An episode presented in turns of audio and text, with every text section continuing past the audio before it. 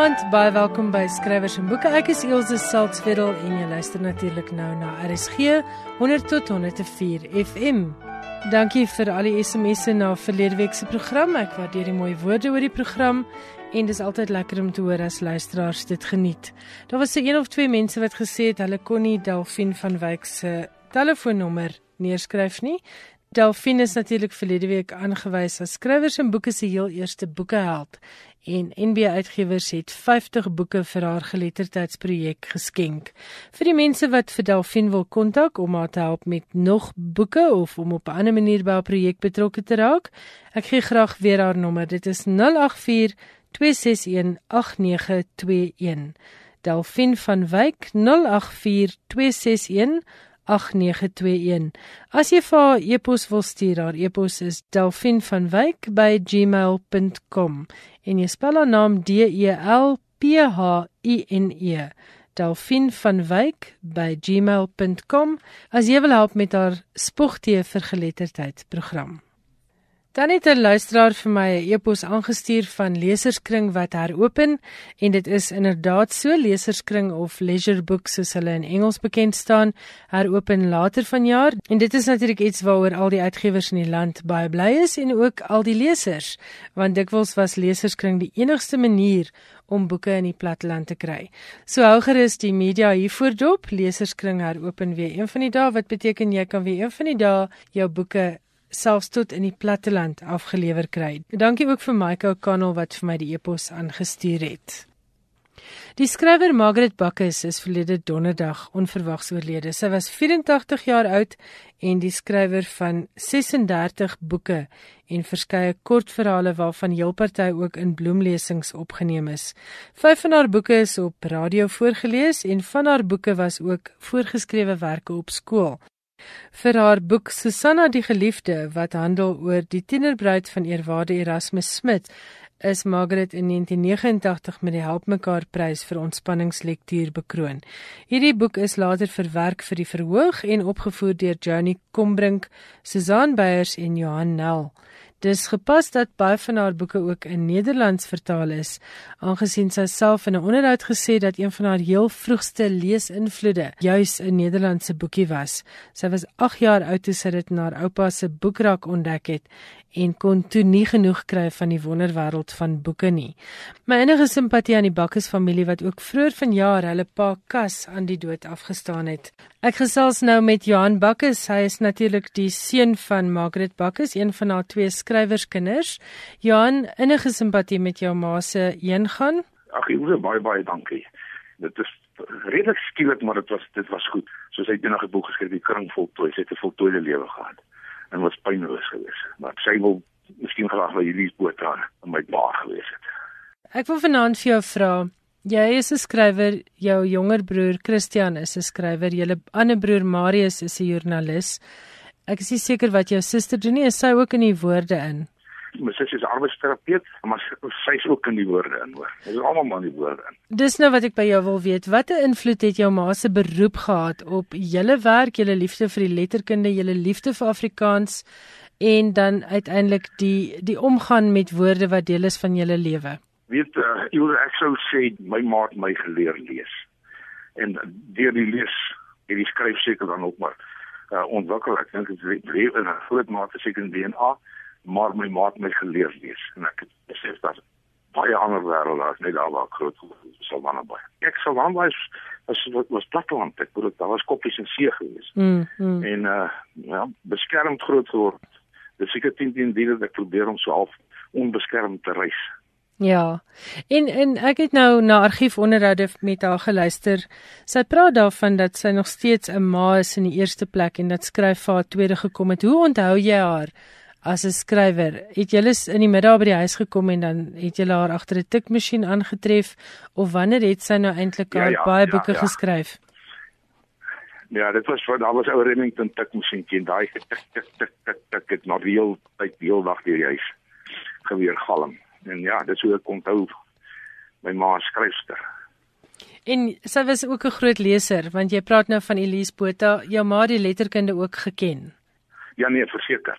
Ja kyk, sy sy nuusbode was was boesemvriende gewees. Dit, dit, dit ek bedoel dit so ons het groot geword met die met die twee twee dames, grande dames. Jan baie dankie dat jy net so vinnig met ons gesels het. Ek hoop jy geniet nou die twee insetsels uit die argiewe wat ek gaan speel vir die luisteraars. En ek hoop hierdie is vir julle word vir julle 'n beter jaar as wat dit tot dusver was. Baie baie dankie, Josie. Ek het 'n bietjie met die hulp van Karen de Tooy van ons argiefafdeling in die argiewe gaan krap en ons speel nou net twee kort uittreksels uit onderhoude wat in 1986 met Margaret Bakkes gevoer is. In die eerste onderhoud vir die program Vroue Rubriek gesels Amanda Olivier met Margaret en hulle gesels spesifiek oor haar boek Elegie vir 'n onbekende. Margaret, as ons nou so 'n paar jaar gelede teruggaan, dan is ek seker baie dames onthou die verhale wat jy in tydskrifte geskryf het en van hulle is ook in 'n boekvorm uitgegee. Ja, dis heeltemal reg. In die begin het ek ek het altyd die drang gehad om te skryf. Maar terwyl mense nou kinders grootmaak en huis moet hou, kan jy nie altyd die drange verwesenlik nie. Maar op 'n dag het ek net besluit dit is tog wat ek die graagste wil doen en ek het begin en so te midde die kinders grootmaak, te midde die huiswerk, het ek tog reg gekry om vir tydskrifte te begin skryf, ook vir volgverhale. Was jy dis altyd lief vir die taal, vir die woorde gewees? Ja, van my skooldae was dit by my 'n liefde en 'n belangstelling. Lees en ek het altyd gehoop soos ek nou net gesê het dat ek eendag self ook 'n boek sal kan maak. En dit was toe ook verwesenlik, nê? Nee? Ja, terdee. Hoe het jou paadjie na die uh, vervolgverhale in tydskrifte geloop? Daar het 'n stadium gekom wat Henny Oukamp uh, vir my genader het en na aanleiding van 'n boek wat hy geskryf het op die Stormberge wat as dit ware 'n streekgeskiedenis was, het hy voorgestel dat ons saam 'n fiksie as dit ware byla moet skryf oor verhale of uh, wat bestaan het uit verhale oor die Stormberge. En so het Baksel in die Moore ontstaan wat dan my eerste bundel kortverhale was. Nou wil ek net noem dat Henny Oukamp en jy is ook familie, nee. Ja, ons paas was neefs en ons het in dieselfde wêreld groot geword.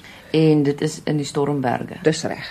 Dis reg. Ehm um, Sterkstroom Jamestown se wêreld. Mens kan dus aflei dat dit wat 'n mens beleef het, uh maak 'n indruk op jou en dit kom ook uit in dit wat jy skryf. Ja, baie beslis. Ek glo dat eie ervaring jou rykste temabron is as skryfster. Margaret, dan wil ek ook graag gesels oor uh jou boek Elegie vir 'n onbekende. En ek is seker baie dames sal die boek onthou want dit is wel voorgeles op vroue rubriek. Wat interessant is is dat dit begin by die fotostatiese afdruk van 'n doodsertifikaat en dit is wel autentiek.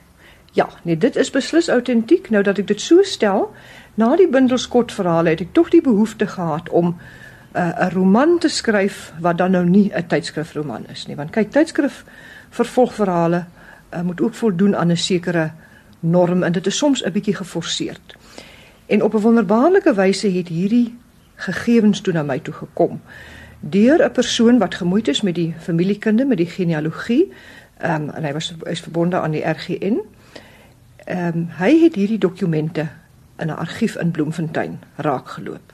En omdat hy my ken, het dit by hom opgekom dat dit moontlik aanleiding kan gee tot 'n storie. Dit was die sterfkennis en dit was enkele dokumente wat gegaan het oor die begrafnis van ehm um, begrafnisreëlings van die vrou wat in die sterfkennis gemeld word en een persoonlike brief. En dit het my eintlik geweldig geboei. Sodat dit, uiteindelik aanleiding gegee het tot elegie vir 'n onbekende, want dit kom eintlik daarop neer. Uit die dokumente blyk dat die vrou op 'n aand laatmiddag as 'n totale onbekende op 'n plaas in die Vrystaat aangekom het, dat sy die nag geboorte geskenk het aan 'n aan 'n baba, aan 'n dogtertjie, dat sy oorlede is dat die kind enkele dae daarna oorlede is en dat die plaasmense maar uit 'n Bybel wat hulle tussen haar skamele besittings gevind het, afgelei het dat sy gebore is in die distrik Kraddock, maar wie haar ouers was, wat haar beroep was, wat haar huwelikstaat was, was vir hulle totaal onbekend. Met ander woorde, ek het eintlik die hele storie versin. Dit kon moontlik die storie van die onbekende gewees het. Maar dit is versinsel. Al wat werklik is, is die dokumente. Het jy dit geniet om dit te skryf? Dit was vir my werklike ervaring. Dit was een van die boeke wat vir my as mens en as vrou die diepste aangegryp het in die skryf daarvan en ook ten opsigte van die eindproduk. Nou wil ek as 'n leek vra of dit lekker is as 'n skrywer met sy karakters kan maak net wat hy wil. Dan wil jy vorm jou karakters, jy laat die een dit doen en jy laat daardie een dat doen. Ja, dit is natuurlik 'n baie bevredigende ervaring, maar dit wil ek by sê, vreemd is dit veral in 'n roman, nie in 'n kort verhaal nie, maar beslis in 'n roman. Vind jy dat die karakters soms hulle eie pad loop? Jy uh, beplan dit so, maar dan vind jy hulle tree op 'n manier op wat jy nooit eintlik gedink het hulle gaan optree nie. Met ander woorde, hulle het werklik 'n lewe van hulle eie wat soms nie heeltemal binne jou beheer is nie. Dit maak dit baie interessant. Margaret, dan het jy ook 'n jeugboek geskryf. Ja, die het eintlik ontstaan na aanleiding van 'n um, 'n jeugwedstryd wat Sanlam aangekondig het. Uiteindelik het dit die kortlys ehm um, bereik, maar is toe afgeskiet op grond daarvan dat dit nou nie 'n jeugroman is nie. Dit het later verskyn. Ehm um, en ek dink 'n mens kan dit noem 'n boek oor groot word. En tuis werk jy tuis? Ja, ek werk tuis as ek maar 'n oomblik kry so tussen al die ander dinge deur. So jy het nie vir jou spesifieke kantoor nee, of 'n studeerkamer. Ek het nie 'n kantoor nie en ook nie 'n 'n plan nie. Ek probeer soggens werk want ek vind dit is die beste, dan is ek vas en dan is die mense gewoonlik uit die huis uit, maar daar gebeur tog soms dinge wat jou program omvergooi. Dit verg daarom seker baie van 'n ma om nog uh dit wat sy graag wil doen in te pas by alle ander verpligtinge. Ja, ek dink in enige geval dit is die dilemma waarmee die moderne vrou maar te maak het, want vele van ons is opgelei, ons het beroepe, ons het belangstellings, maar ons bly maar in die eerste plek nog ma en vrou.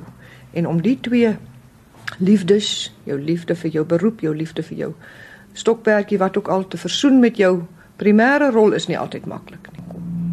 Margaret dan laasens wil ek graag vra. Het jy raad aan die vrouens wat dalk tuis is of selfs werk, maar tog 'n begeerte het om te skryf maar nog nie die daad by die woord gevoeg het nie? Ja, ek wil terugkom na wat ek vroeër gesê het, vroeër in ons ons gesprek gesê het dat eie ervaring as temabron is geweldig belangrik. En ek sou die raad aan mense wou gee wat skryf. Skryf oor dinge waarvan jy weet. Skryf doodgewoon jou ervaring as vrou, jou eie lewensverhaal. Gebruik dit as oefenloopie. Moenie fantasievlugte aanpak. Want uh gewoonlik doen dit nie eg aan nie, maar dit wat jy self ervaar het en wat jy gewoon op papier sit, die doen gewoonlik eg aan.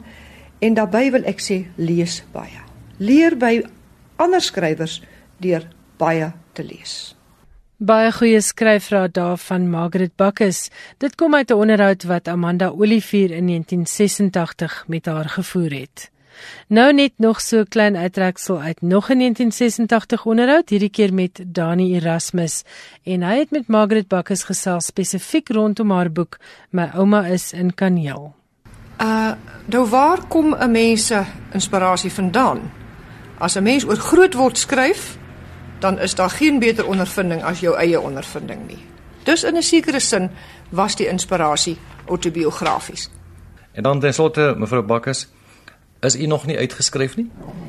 Nee, ek is baie beslis nog nie uitgeskryf. Om die waarheid te sê, ek word soms bang dat ek nie genoeg tyd gaan oor hê om alles te skryf wat ek nog wil skryf nie.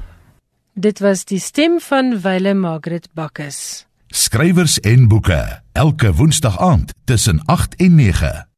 Ek gesels vanaand met Marita van der Vyver. Nou Marita, jy het geen bekendstelling nodig nie. Ek dink ons almal weet wie Marita van der Vyver is van die heel eerste boek. Ek dink jou eerste volwasse roman was Griet skryf 'n sprokie en ons is nog steeds aanhangers.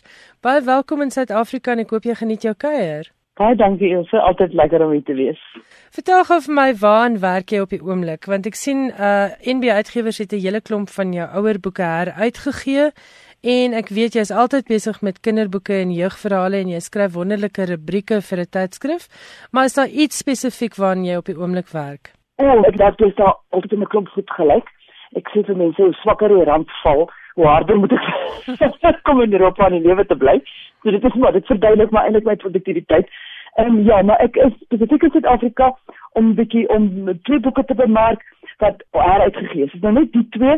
Die een is dinge van 'n kind wat afspeel in die jare 70s jy weet dit is nou uh, 40 jaar later dat die boek eindig met 16 Junie 1976 met Soweto dag hierdie groep tieners wat in 'n gekke paradys lewe en ja, dis presies 40 jaar later. Dit is lekker op dit weer heruitgegee is. En dan is daar natuurlik 'n um, Kuskowo Koskat wat so 5, 6 jaar gelede verskyn het, maar wat nou pas um verfilm is. Ons is in die laaste doodsnikke van die aan die post-production werk, so hulle sê klank so aan. Dit gaan nou die lokprent behoort hierdie week vrygestel te word en dit word uitgereik um 26 Augustus. Dan is saam is al hulle ons altyd 'n rolprent uitgawe van die boek uit waar um Anna Mart van der Merwe op die op die omslag is. Hoe betrokke was jy by die film? Was jy betrokke by die herskryf van die draaiboek? Het jy enige insaag gehad? Ja, ek het nogal baie want ek is mede mede draaiboekskrywer saam met die regisseur Etienne Fourie. Ehm um, en ek is mede vervaardiger saam met onder andere Dion Meyer. Dit is eintlik hy, die skrywer Dion Meyer wat ek al baie lank ken. Is eintlik hy wat my arm gedraai het om in hierdie hele ding betrokke te raak en dit is hoe ek daarbey uitgekom het. Ehm um, so ek was ook op die stel gewees. Ek het insaag gehad, jy weet mense, ek het natuurlik glad nie nou 'n veto reg of enig so iets nie, maar ek het insaag gehad en ek kon help byvoorbeeld om die akteurs te kies. Ek kon sê wie ek graag wou hê en hoop en dit het nogal gewerk. Ek moet sê die meeste van die akteurs sê het ek het ek 'n sê ingegaan. Goed nou, jy het nou al hierdie genres nou al beoefen van jeugboeke tot volwasse romans. Nou het jy jou hand aan 'n draaiboek gewaag. Wat verkies jy? Watter medium, watter genre? Ek dink maar die naaste aan my hart lê maar nog altyd 'n volwasse roman. Ehm, um, miskien omdat ek die hardste daar moet werk. Uh dit ek weet dit is nie dit ek kan nie eintlik iets maklik skryf, maar ek kan dit vinnig skryf. Dit vat my altyd so 3 jaar. Dit is nou amper 5 jaar sedert my vorige volwasse roman Die Blou Val onthou en ek het nou ek is nou so van in die doodsnikke van ene um, wat vroeg volgende jaar uitkom. Maar 'n draaiboek is baie lekker omdat dit gesaam word lekker om saam te werk. As jy altyd so gewoon is om alleen te werk, skryf skryfwerk is eintlik alleen. Mm. En dan is as jy saam met iemand 'n draaiboek kan skryf, is dit nogal iets nuuts. En sê vir my jy het 'n jeugverhaal wat volgende week verskyn. Dit is die boek wat in verlede jaar se kompetisie by Lapa as naaswenner aangewys is. Ja, die titel is Al wat ek weet en dit is oor 'n 14-jarige seun. Dis my jaar van manlike hoofkarakters want in my nuwe volwasse roman het ek ook 'n manlike hoofkarakter en hierdie is 'n seun en hy's baie kwaad en hy doen kletsrein um ehm um, jy weet spoken poetry, poetry slams en daai se maar goed. Uh en dit was 'n lekker uitdaging om bietjie in daardie idiom te kan skryf. Kan jy iets vir ons vertel van jou volwasse roman wat volgende jaar verskyn? Jy sê daar's 'n manlike hoofkarakter. Ja, ek dink ek het net die 14-jarige seun se hoofkarakter en al wat ek weet was my nogal lekker geweest en ek het 'n bietjie geoefen. Ehm um, want ek het dus deel van die storie ook deur sy pa se se oor gesê wat ek later uitgehaal het wat uitgesny is en ons het dit net gekonsentreer op die op die 14-jarige maar dit was dink ek lekker oefening vir die hoofkarakter Minjam van Willem Prins in misverstand. En hy is Suid-Afrikaanse hy's 'n bietjie van 'n mislukte kunstenaar, 'n bietjie van 'n has-been wat in Parys beland vir 'n paar dae om 'n oor 'n om 'n boekie uit te gee waar hy eintlik baie skaam is onder 'n skuilnaam en dan beland hy eh, en ander Suid-Afrikaners wat hy ontmoet daar in in, in die terreuraanvalle wat in November laas jaar daar plaasgevind het. So hy het nou 'n ontkoming wat hom bietjie anders laat dink aan baie dinge in sy lewe. Dit so speel af oor 4 dae in Parys en 'n klomp misverstande wat uit die weg geruim moet word en daarom is die titel misverstand. Jy woon al jare in die buiteland. Hoe lank is dit nou? So dit gaan nou al amper 20 jaar. Ja, ek het so gedoog, maar tog is dit vir my wonderlik dat jou boeke altyd een of ander sentrale Suid-Afrikaanse koneksie het. Dit speel of hier af of die hoofkarakters is Afrikaanse Suid-Afrikaners. Ja. Hoekom kies jy ja. om dit so te doen? Hoe jy weet, ek is nie so wat ek is diep in my hart. Ek is Suid-Afrikaans en spesifiek Afrikaans en ek dink dit sal vir my baie moeilik wees. Ek mis my net so nooit nie, né? Maar ek kan amper nie voorstel dat ek ooit 'n boek sal skryf waar dan nie uh waar waar Suid-Afrika of 'n Suid-Afrikaanse karakter nie 'n belangrike rol speel nie. Dit is wat 'n mens is. Sal jy ooit weer permanent in Suid-Afrika kom woon? Weet jy, ehm um, mens weer eens, mens nooit jy nooit weer nie want my my Fransman is gelukkig op baie maal in Afrika en ek dink wat vir ons baie lekker sal wees, ek dink wat vir baie mense dis seker baie lekker sal wees. In Suid-Afrika gaan nooit regtig uit 'n mens se bloed uit nie. Is om die swaakie ding te doen. Jy weet om 'n paar maande van die jaar minstens hier te kan woon. As ons kinders eers uit die huis het, is almal ons het dan nog een dogter wat nog in die huis is, die seuns is dan nou so uit die huis. En as my man afgetree is, hoop ons dat ons ten minste dit sal kan doen vir 'n deel van die jaar. Ek het sommer net gisterand gewonder wanneer gee hulle Griet skryf 'n sprokie dan nou weer heruit. Toe ek nou die die ander heruitgawes Ja, bekyk. Jy sien Griet, natuurlik dit word amper elke paar jaar heruitgegee want dit was ons aanvanklik by geel omslag. Onthou jy daai daai Ja ja, die eerste met die een. beroemde Mm. geskel geel omslag. En toe 'n paar jaar later het dit heruitgegee met 'n ander omslag van 'n um oortandskoene so omslag. En toe baie mense gesê nee maar hulle, jy weet, hulle wil daai ikoniese geel omslag hê. En en daar was regtig 'n dit was mense die mense mense versoeke gekry daarvoor toe die uitgewers besluit om dit dan weer uit te gee in 'n sagte band weergawe dan met die oorspronklike geel uitslag met daai klein skilderytjie van die vrou wat agter sy forum op die sebra sit. Mm. Ehm um, en dit skildery when we go down to the woods tonight onthou ek nog. Ja, ja. skildery. So ja, so dit is weer uitgegee. Nou weet ek nie, miskien kan hulle weer probeer om met 'n ander omslag uit te gee en dan sal daar seker weer mense wees wat sê nee nee, ons wil die oorspronklike ene hê. So, Griet dink ek as dit kan nie dood. Griet sal seker by elke paar jaar weer haar kop iewers uitsteek. Ja, en ek dink ook daar's 'n nuwe generasie uh lesers wat dalk nog nie Griet in die hande gekry het nie omdat dit nie noodwendig so vrylik beskikbaar is nie. En dis ter wille van hulle wat ek vra. Ja, Want ek kan ja, onthou ja, ja. ek was 'n student en Griet het ons koppe vir ons oopgeblaas vir Afrikaans dit- spesifiek. Ja, nee, dit is lekker. Dit is nou wat wat met dinge van 'n kind hopelik ook nou sal gebeur dat dit eintlik 'n nuwe generasie is, mense wat te jonk was om dit te lees of wat nog gebore is nie, uh 20 jaar gelede wat dit nou kan lees. En dit is dit is natuurlik die voordeel van as jy as jy net in die lewe bly lank genoeg as 'n skrywer dat jy op werk kan terugkom. Gelukkig vir ons is jy nog nie heeltemal antiek en oor die muur nie, Marita van der Vyver. Dit was baie lekker om vanaand hier met jou opskrywers en boeke te kon gesels, al is dit vlugtig. En volgende keer as jy in Suid-Afrika is, hoop ek om jou in die ateljee te kan verwelkom. Baie dankie. Ek doen dit graag Elsje. Dit was Marita van der Vyver en ons vra om verskoning vir die swak gehalte van die telefoonlyn. Aan die ander kant van my telefoonlyn, ongelukkig nie by my in die ateljee nie, is een van ons geliefde Afrikaanse skrywers, Johan Bakkes. Nou julle sal hom ken as die reisskrywer wat ons na die uithoeke van die aarde neem op 'n baie vermaaklike wyse. Maar Johan het ook 'n baie goeie hart en hy is nou op pad met iets wat hy noem Bakkes se boeke bakkie boemel. Goeienaand Johan Bakkes. Naam Ilse, baie dankie vir al die komplimente wat jy nou so rondgestrooi het. Ja, jy kan my later my checkpos hoor. Um sal doen. of jy kan my op een van jou reise neem, jy kan maar self kies.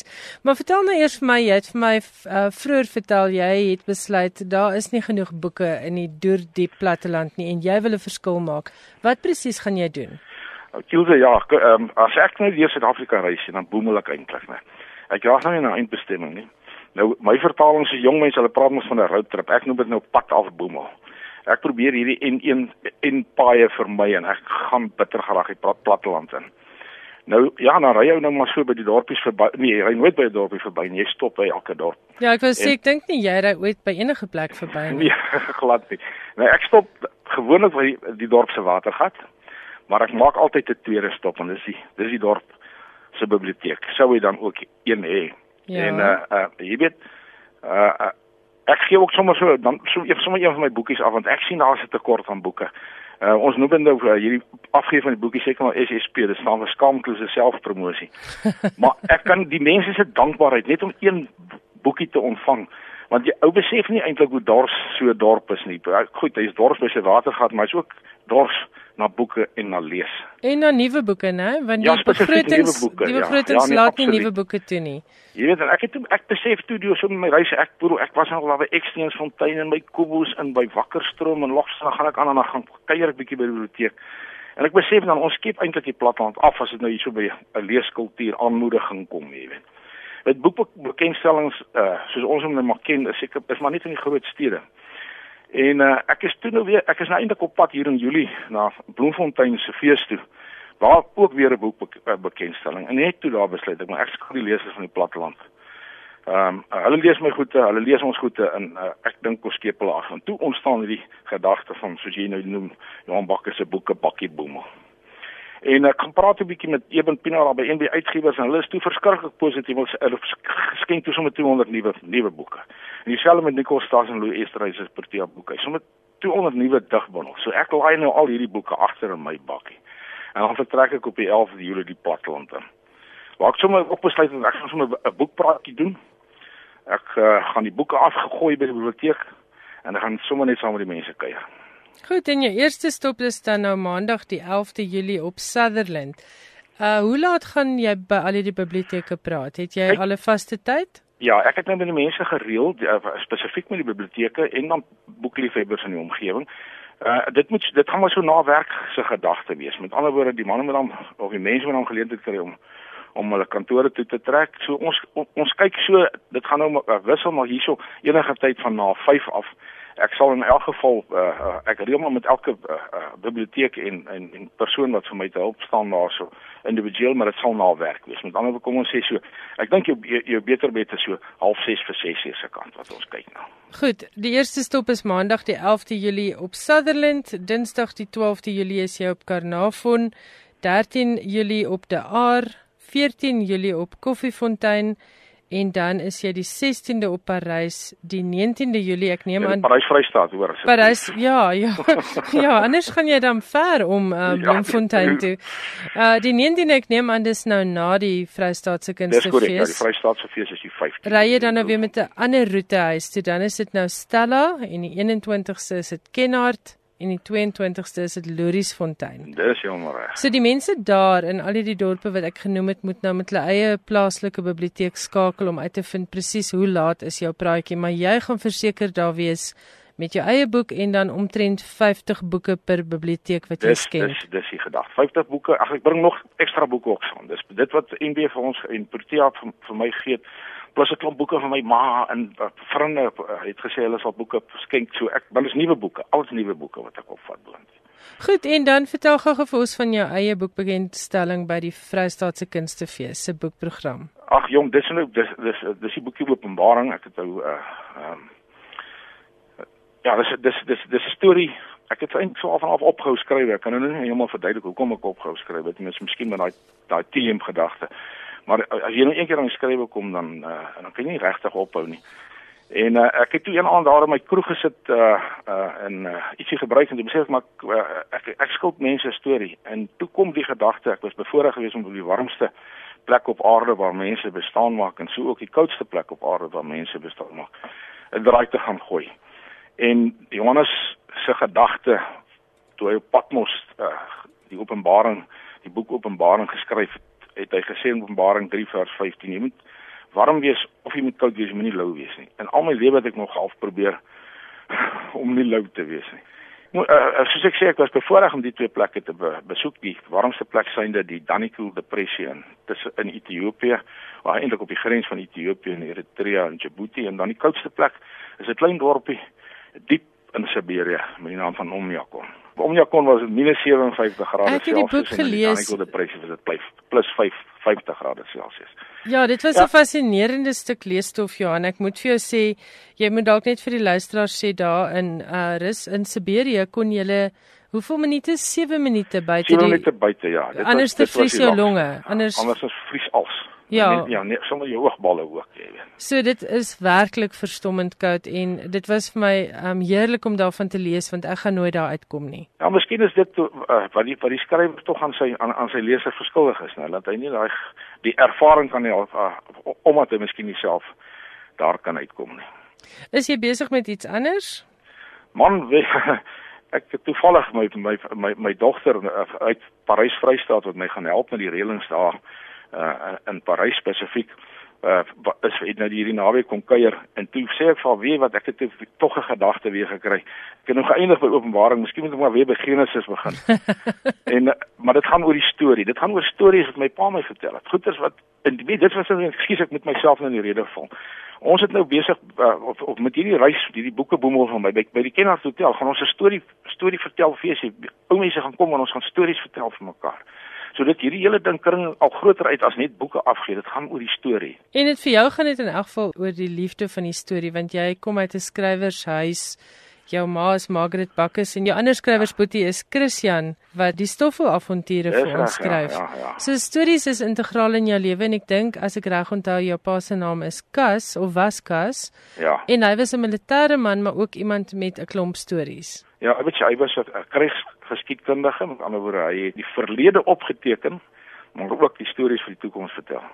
Maar en dan het hy 'n dagboek gehou van sy 16 jaar tot sy 84ste jaar. Hy het alles opgeskryf. So jy gaan vir ons nou 'n bietjie insaag in daardie stories gee met jou volgende boek. Dis dis juist die gedagte, ja. Of dit nou waar is of nie waar is nie, maar dit is. Ja, en is daar 'n plek waar mense kan gaan kyk presies wanneer is dit hulle dorp se beurt? Ja, ek gaan nou so by so hierdie sosiale netwerke, jy weet ek was eers net 'n roofkyker, maar ek ben nou nog redelik woelig geraak hier op Facebook. So ek sal dit nou maar so die die- dit daar spesifiek uh, afkondig al die mense wat in die biblioteek as jy enigstens wil kontak maak en wil deelneem of saamspeel, dan moet jy maar net die biblioteek op die dorp kontak. Uh, maar uh, en dit is die positiewe van die mense, dit is eintlik ongelooflik. Uh, uh maar dit is die beste wat ek nou eintlik maar kan doen is die die uh, uh maar op op op op op die sosiale netwerk soos Facebook of so iets laat uh, vir die mense laat weet. En dan met my vriende wat ek al Facebook het, maar die woord versprei. Dit is ons ons versprei die woord. En ek wil sommer terwyl Johan nou hierdie idee geopper het van deel jou boeke, stuur die vreugde weer vorentoe, wil ek nou weer 'n beroep doen op RSG luisteraars. Asseblief gaan deur jou boekrakke.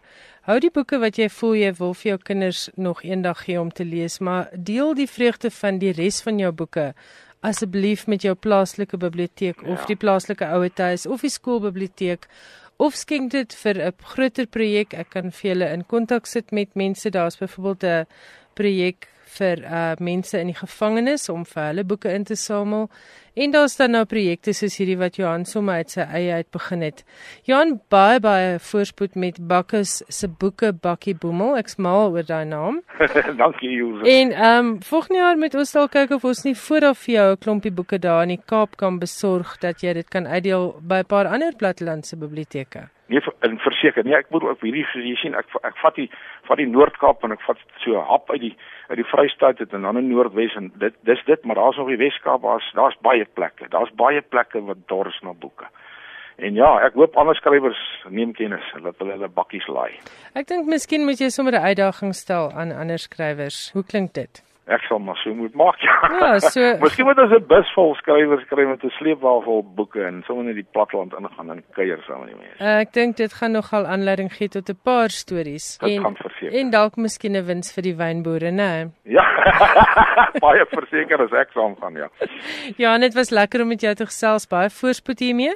Sê net gou-gou vir oulaas presies wanneer is jy by die Vrystaatse Kunstefees? Uh, uh Ilse, dit is uh Vrydag aand die 15de en as ek en Dana Snyman en en Pinkers Du Plessis daar ergens met 'n met 'n uit die koek uitspring oefening besig om boeke te verkoop en stories te vertel. En daarvoor kan mense maar net gaan kyk na die Vrystaatse Kunstefees se webwerf. ja, ja.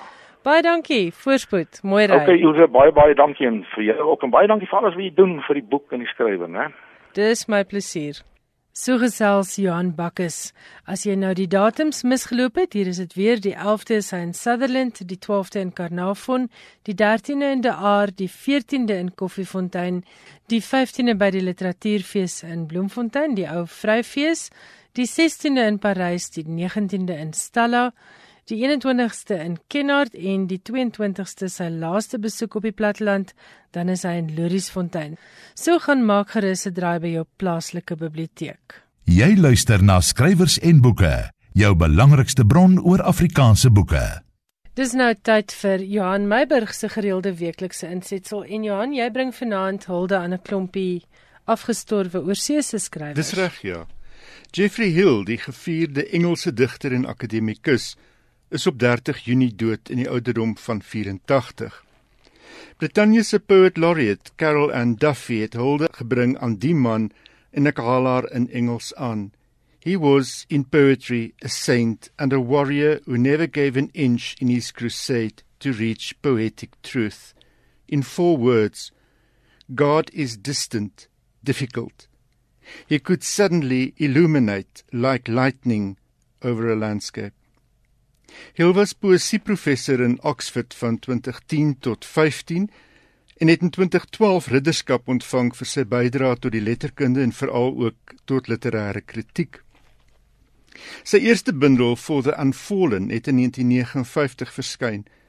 En in 2013 is gedigte in 19 bundels en enkele ongepubliseerde gedigte byeengebring in die bundel Broken Hierarchies, gedigte wat hy oor 60 jaar geskryf het. Die Times Literary Supplement het die bundel beskryf as a work of the first importance. Met die bundel Mercian Hymns, 'n versameling prosa verse met koning Offa, 'n 8ste eeuse heerser as tema, het hy in 1971 aandag getrek.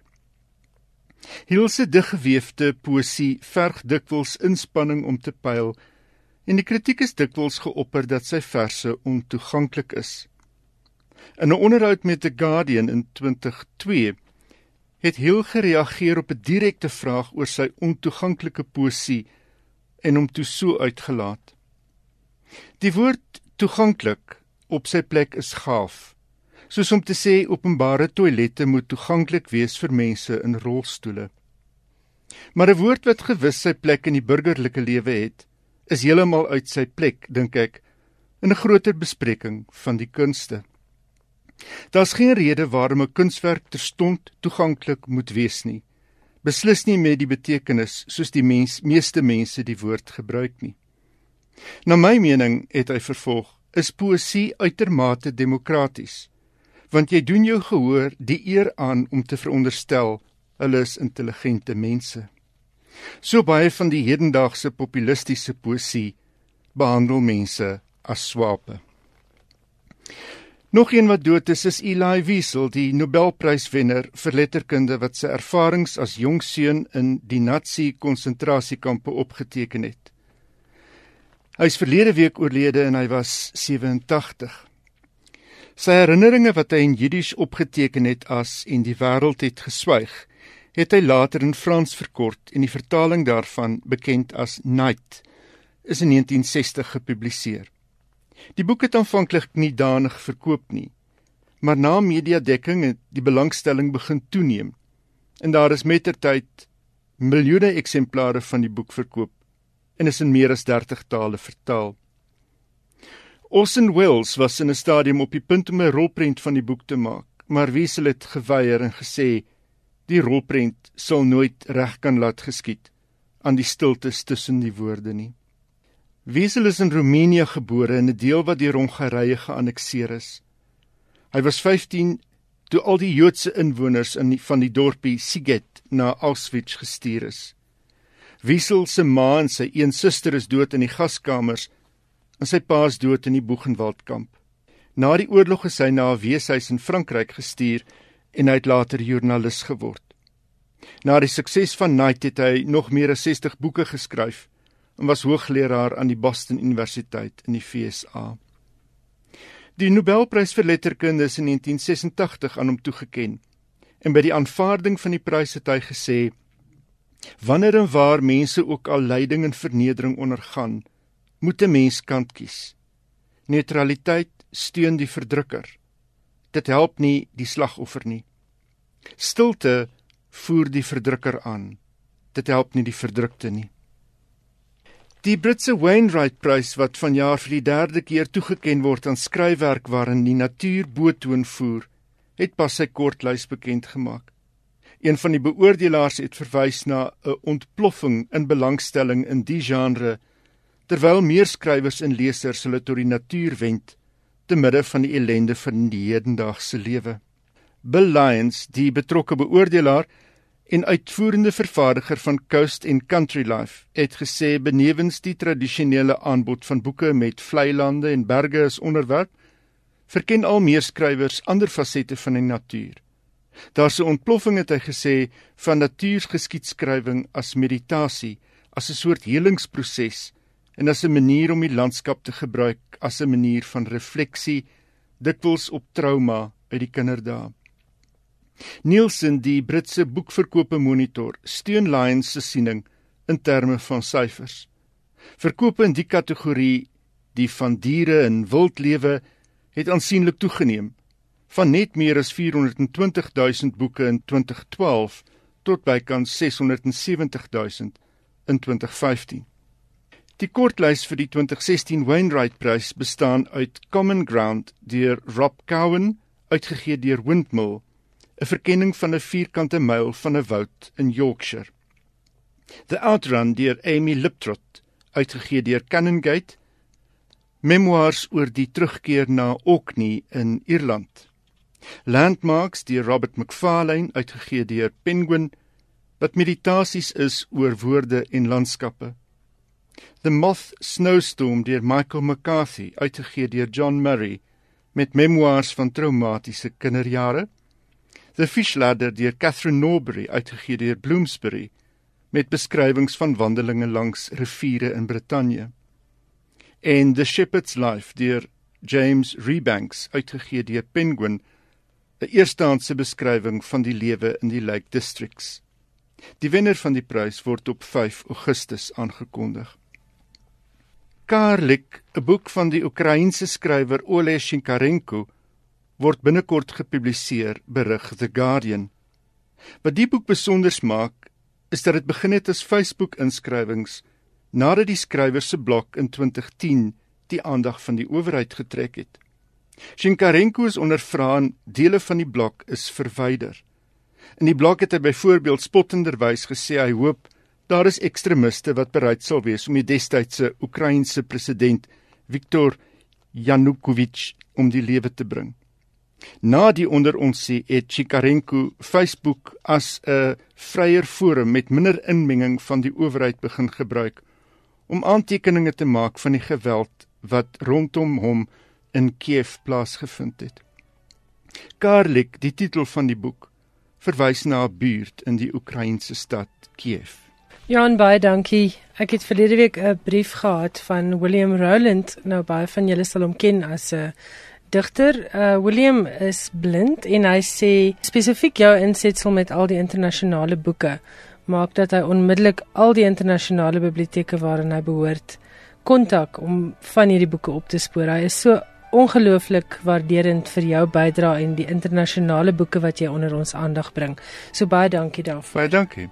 Met Johan Meiburg se insetsel het ons dan nou aan die einde gekom van Finanse Skrywers en Boeke. Onthou ons e-posadres is skrywersenboeke@rsg.co.za en die SMS nommer is 34024 en die gereelde SMS'ers weet reeds elke SMS kos R1. Volgende week sal ons dan luister na die beloofde gesprek tussen Suzette Kotse Meiberg en Abraham de Vries. Dit moes ongelukkig van dese week oorstaan weens Margaret Buckus se afsterwe. Dit is 'n heerlike gesprek. Dit is volgende week en die week daarop. Die hoofinsetsel in skrywers en boeke. Tot ons weer gesels. Ek hoop jy geniet jou week. Bly ingeskakel, daar's heerlike musiek net hierna. Totsiens.